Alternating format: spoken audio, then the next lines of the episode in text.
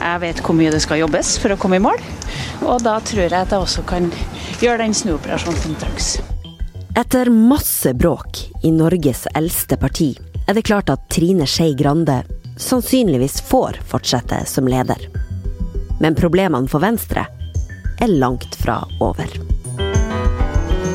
Det her er Verdens gang, i dag med Nora Torp Bjørnstad.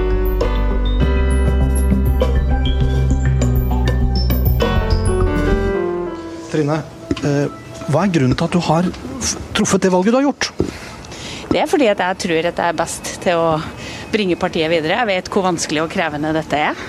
Det er lett å tro Trine Skei Grande når hun sier at det er vanskelig å lede partiet Venstre. For selv om det ble klart på torsdag at hun har valgkomiteens støtte til å fortsette, så er det liten grunn til å tro at det blir særlig mye roligere i partiet nå. Politisk kommentator i VG, Tone Sofie Aglen, hvorfor er det her bare starten på trøbbelet for Venstre? Trine Skei Grande er jo en uh, særdeles krevende situasjon nå. Jeg tror alle i partiet er enige om at uh, hun nå nærmer seg slutten uh, på sin tid som Venstre-leder. Tror jeg mange mente at Eh, det var på tide at hun eh, skulle gå nå og overta for noen andre, men så klarte hun likevel å få en enstemmig valgkomité til at hun skal få fortsette én periode til, og da tror jeg alle er enige om at eh, det er den siste. Og det er jo et veldig dårlig utgangspunkt å gå til valg på oppsigelse. Samtidig så har det kommet veldig mye kritikk mot henne. Det er veldig usikkert om hun blir nominert til Stortinget. Særlig hennes eget uh, lokallag Oslo Venstre har vært uh, kritisk. Uh, og så er det en krevende jobb å, å, løfte Venstre, og det tror jeg er nesten uavhengig av om det er Trine Skei Grande eller en annen som er partileder. Ja, vi skal bore mer i hvorfor det her partiet er vanskelig å lede. Men først til det her med kritikken knytta til hennes person, som du var inne på. Hvorfor, hvorfor verserer det så mye kritikk rundt henne? Nei, det handler nok uh, først og fremst om uh, slitasje. Hun har vært uh, partileder i, i, i, mange år, snart ti år, og det har vært opp og nedturer. Foran omtrent hvert eneste landsmøte så har det vært uh, dårlige målinger, det har vært personkonflikter. Uh, men hun har liksom klart å berge stumpene hver eneste gang.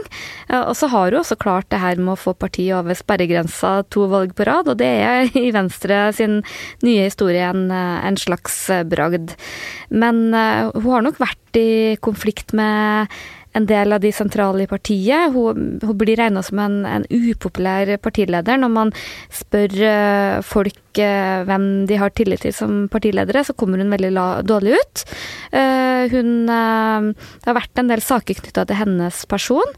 Og så er det jo også en del som også er ganske urettferdig, men hun er en person som blir utsatt for veldig mye hets og sjikane i f.eks. i kommentarfeltene. Så det, jeg tror det er ganske sammensatt. Mm. Det pågikk noen skikkelige høststormer i Venstre i fjor. I oktober så måtte Trine Skei Grande komme hjem fra en arbeidsreise på Island for å rydde opp, rett og slett. Og møtte Dagbladet på flyplassen med følgende kommentarer. Nei, for dette kan vi ikke holde på med lenger. Nei, Nå må vi fokusere på politikk. Nå må vi slutte å slå karakteristikker i hodet på hverandre. Jeg tror ikke dette er bra for verken tilliten til norsk politikk eller, eller tilliten til regjeringssamarbeidet vårt. For landets politiske kommentatorer som deg, Tone Sofie, så var det tydelig i fjor høst at det var andre som forsøkte å kuppe lederplassen i Venstre. Abid Raja og Sveinung Rotevatn ble ofte nevnt.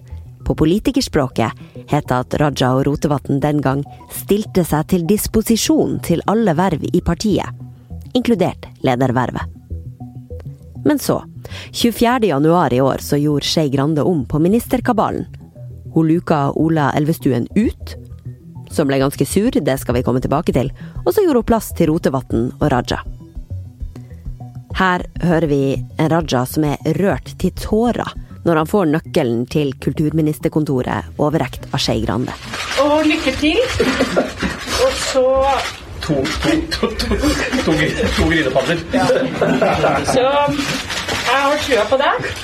Og eh, håper jeg at du evner på å tegne både partiet, men også den viktige jobben som gjøres med den gjengen. Og så ta vare på verdens beste departement. Ja, Tone Sofie, plutselig så var de ikke så opptatt av å utfordre Skei Grande som leder lenger. Fiksa det her eh, statsrådgrepet fra Skei Grande kampen om ledervervet? Ja, i hvert fall på overflaten. For eh, det grepet som Trine Skei Grande gjorde med å ta Abid Raja og Sveinung Rotevatn inn i regjering, eh, ble regna som noe hun gjorde for at Eh, de skulle legge ned stridsøksa og, og, moderere sine ambisjoner. Og mye tyder på også at det har vært en sånn slags eh, stilltiende avtale dem imellom om det. Men eh, så må vi heller ikke glemme at det var et veldig sterkt krav fra partiorganisasjonen om at Abid Raja og Sveinung Rotevatn måtte få mer fremtredende posisjoner. Så det her var nok noe Trine Skei Grande gjorde, ikke bare for å berge seg sjøl, men også for å, eh, for å, for å lytte til partiet. For det, det, er de to som blir regna som eh, de viktigste arvtakerne som har mest støtte rundt i Venstre. Hmm. Den kvelden det ble kjent at uh, Trine Skei Grande fikk fortsette som leder, altså uh, torsdag kveld, så var det i hvert fall utad veldig stor entusiasme for samarbeidet mellom det her trekløveret Raja Rotevatn og Skei Grande. Hvordan blir det å lede partiet sammen med de? Det tror jeg skal gå helt fint. Vi har samarbeidet i regjering nå i, i en periode, og det har vært veldig gøy, faktisk. Og vi ser at vi både får til viktige gjennomslag for Venstre i regjering, og vi har det veldig gøy når vi reiser rundt i landet og jobber med de sakene som vi nå har. Tone Sofie, hvor sterk er egentlig konkurransen nå? Var det her bare spill for galleriet? Jeg tror i hvert fall at eh, de har en eh, lang og krevende forhistorie. Særlig har forholdet mellom Trine Skei Grande og Abid Raja vært krevende. Hun har oppfatta han som illojal, og for så vidt også med god grunn. Han har hatt uh, ganske mange utspill i avisa som har gått imot sin partileder. Ja, Vi kan jo minne om den lille høststormen som altså ble utløst av at Abid Raja kalte noen av FrPs uttalelser for brun propaganda. Da måtte han ut og beklage foran hele Presse-Norge etterpå. Hvis du som Frp-politiker, eller annen politiker, eller annen borger i landet har blitt støtt av at jeg har sagt brun propaganda fordi det har blitt koblet opp mot nazismen, så beklager jeg det. Nå når han eh, er blitt statsråd, er det grunn til å tro at det eh, roer seg litt eh, fra Abid Rajas side hva gjelder oppsiktsvekkende uttalelser? Ja, ja, og det eksempelet der var jo Han ble jo veldig populær i folket for å si det der, men eh, det er jo krevende å si det om en regjeringspartner. Og det er jo nettopp sånne ting som har gjort det krevende å å, å, å, styre. Men nå tror jeg nok at eh, for Abid Raja har det vært et mål lenge å bli statsråd. Han var åpent skuffa når han ikke ble det forrige gang, og vil nok trives trives godt i den rollen. Og det er jo det mange tror, da, at med å komme inn og få mer struktur, få mer ansvar, så vil man også bli mer lojal. Så, men uh, tida vil vise, og jeg tror i hvert fall ikke han kommer til å bli en kjedelig statsråd. Hva med Ola Elvestuen? Uh, Trine har først og fremst lytta til seg sjøl for å sikre sin egen posisjon, sa han plutselig til TV 2 etter at han ble kibba ut av regjering. Hvorfor gikk han så, hvorfor gikk han så hardt ut mot henne, han som hadde vært så lojal mot eh, Skei Grande, Tone Sofie? Nei, det var jo den eh, store overraskelsen, for eh, det er jo overhodet ikke noe hemmelighet at han var veldig skuffa over å bli vraka som klimaminister for å gi plass til Sveinung Rotevatn, som da var hans egen statssekretær. Og det er jo ganske vanlig når statsråder må gå, at de er uenige i den beslutningen og, og, og, føler at det er urettferdig, og også feil. Eh, men de aller fleste holder jo det der eh, inni seg Eh, for det ser jo veldig sjelden særlig bra ut når man eh, går så hardt ut i etterkant. Og, og mm, det man nå lurer på, er om gjør han det for å prøve å berge sin egen posisjon? For han mm, blir også nå vraka som nestleder i Venstre, og da kan også nominasjonen til Stortinget ryke for han. Eller gjør han det for å dra Trine Skei Grande ned i eh, med seg ned i fallet, fordi eh, han opplever at han har vært veldig lojal til henne. Eh, og så er det den behandlinga han får. Så det, det, er nok noe av det som blir spennende å følge med videre, hva Ola Elvestuen kommer til å gjøre. Selv om Venstre er ganske lite, så er det virkelig en historisk gigant. Både som et stort og et lite parti har Venstre vedkjent seg og forpliktet seg på sine tradisjoner. Venstre er Norges aller eldste parti, og ble stifta i 1884. Siden den gang har partiet delt seg, og på et vis blitt opphav til Arbeiderpartiet. Det var eh, Olaf Skjeflo som sa at Arbeiderpartiet er Venstres ektefødte barn. Både opphavet og avkommet. Partiet Venstres hovedsaker kan oppsummeres i miljø, skole, småbedrifter og velferd. Og det er viktig for dem med enkeltmenneskets frihet. De er liberalistiske. Etter å ha vært støtteparti for regjeringa Solberg i fire år, så gikk altså Venstre inn i regjering med tre statsråder i januar 2018. Og for å oppsummere hvordan landet ligger i dag, så har altså partiet åtte representanter på Stortinget og fire statsråder. De har kulturministeren, kunnskapsministeren, miljøvernministeren og næringsministeren. Velkommen til et fantastisk departement. Det er en fantastisk gjeng du får. Det er minste departementet, men det er det mest veldrevne departementet. Du har masse folk rundt deg som gjør fantastisk jobb. Det her å sitte i regjering, hvordan har det egentlig påvirka Venstre og deres utfordringer, Tone Sofie? Nei, Venstre slet jo også veldig på målingene når de satt uh, som et støtteparti og for så vidt også var på vippen i norsk politikk. Og da ble det jo brukt som et argument uh, fra flertallet i partiet at uh, det var grunnen til at de slet på målingene, var at de ikke fikk vist fram politikken sin. Så valgte de altså å gå inn i regjering. Det var ikke heldig for meningsmålingene. Det blir jo bare enda dårligere. Og da var forklaringa til Venstre at at det var samarbeidet med Frp som velgerne deres ikke likte. Og nå gikk jo Venstre, nei, Frp ut av regjering. Og fortsatt er det jo lite som tyder på at uh, velgerne kommer strømmende. Det er kanskje en, uh, en, liten forbedring, men langt unna sperregrensa. Så jeg er jo litt sånn spent på hva Venstre skal uh, skylde på nå. Jeg tror nok at litt av problemet til partiet er at de har nok noen litt sånn grunnleggende utfordringer som gjør at velgerne ikke flokker seg om dem. De er utydelige, og de har ikke minst veldig illojale velgere.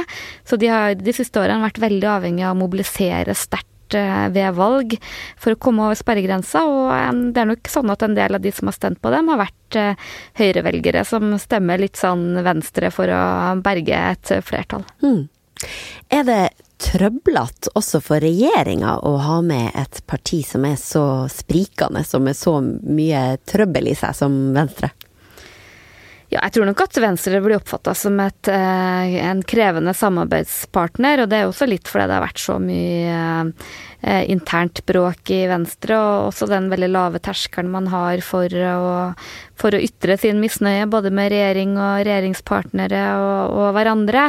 Eh, men så tror jeg nok at det er blitt enklere nå som Frp er ute av regjering, for Venstre og Frp var veldig politiske motpoler. Selv om de kanskje kommer godt ut av det i dag-til-dag-politikken, så krasja de veldig mye ideologisk, både på innvandring, på miljø og en del andre saker. Når vi er inne på det her med størrelse, så hadde altså Venstre ved siste meningsmåling utført for NRK for Norstat forrige uke 2,7 oppslutning. Ved stortingsvalget i 2011 så fikk den ganske nyvalgte lederen Trine Skei Grande kudos for å ha klart å fikse det beste valgresultatet på lenge. Det var da 6,3% Men folk i Venstre, dem lengter nok ofte tilbake til 1885. Den gang så hadde partiet 63,4 oppslutning. Tenk det! 100 år etter eh, toppmålinga i 1985 så falt de helt ut av Stortinget. De hadde altså ingen representanter. En turbulent historie for partiet, altså Tone Sofie. Hva er det som må til for at vi igjen skal se en oppgang for Venstre, tror du? Mhm. Jeg tror i hvert fall at eh, bråk, eh, personkonflikter og uro, det er det ingen velgere som liker. Det er sånne som oss som liker det. Så, så lenge det er så mye støy i partiet, så, så tror jeg de, de, sliter. Og så er det et eh, parti som ofte er veldig utydelige. De har det, Jeg bruker å kalle det litt sånn nerdenes parti. Noen er med i Venstre pga. de er opptatt av dyrking av myr, noen er med i Venstre pga. personvern. Folk har veldig ulike grunner til å være med i Venstre, og derfor framstår de også ganske utydelige utad. Men jeg tror nok de er nødt til å gjøre noen klarere valg med hva de skal eh, fronte. 17. april er det altså landsmøte i Venstre. Så blir denne ledertrioen vi har snakka om valgt, og så blir alt eh, fred og fordragelighet, da? Ja, det, er, det jeg kan si helt sikkert, er at fred og fordragelighet, det tror jeg aldri det blir i Venstre. Eh, og så er jeg også eh, Jeg vil nok ikke sove godt om natta fortsatt, hadde jeg vært Trine Skei Grande. Til tross for at det er en eh, enstemmig valgkomité, så vet vi at det er mye eh, frustrasjon der ute. Eh, særlig i Oslo er det mange som er sinte både for at Ola Elvestuen ble kasta, og, mange av hennes lojale støttespillere føler seg litt sånn eh, eh tråkka på. Og så men så er det som kan berge, er at det er ikke noe sånn tydelig annen lederkandidat. De som liker Abid Raja, er litt skeptiske til Sveinung Rotevatn. De som liker Sveinung Rotevatn, er skeptiske til Abid Raja. Så jeg tror at det er all grunn til å følge nøye med fram til landsmøtet i april. Tone Sofie Aglen, tusen takk til deg for at eh, du var med oss i Verdens gang. Jeg som har sittet i studio i dag, heter Nora Torp Bjørnstad. Verdens gang lager jeg sammen med Emilie Hall Torp, Tor Erling Tømt Ruud og Kristine Hellesland. Teknisk produsent er Magne Antonsen. Hør på oss i morgen også. Det ligger en rykende fersk episode klar hver eneste morgen.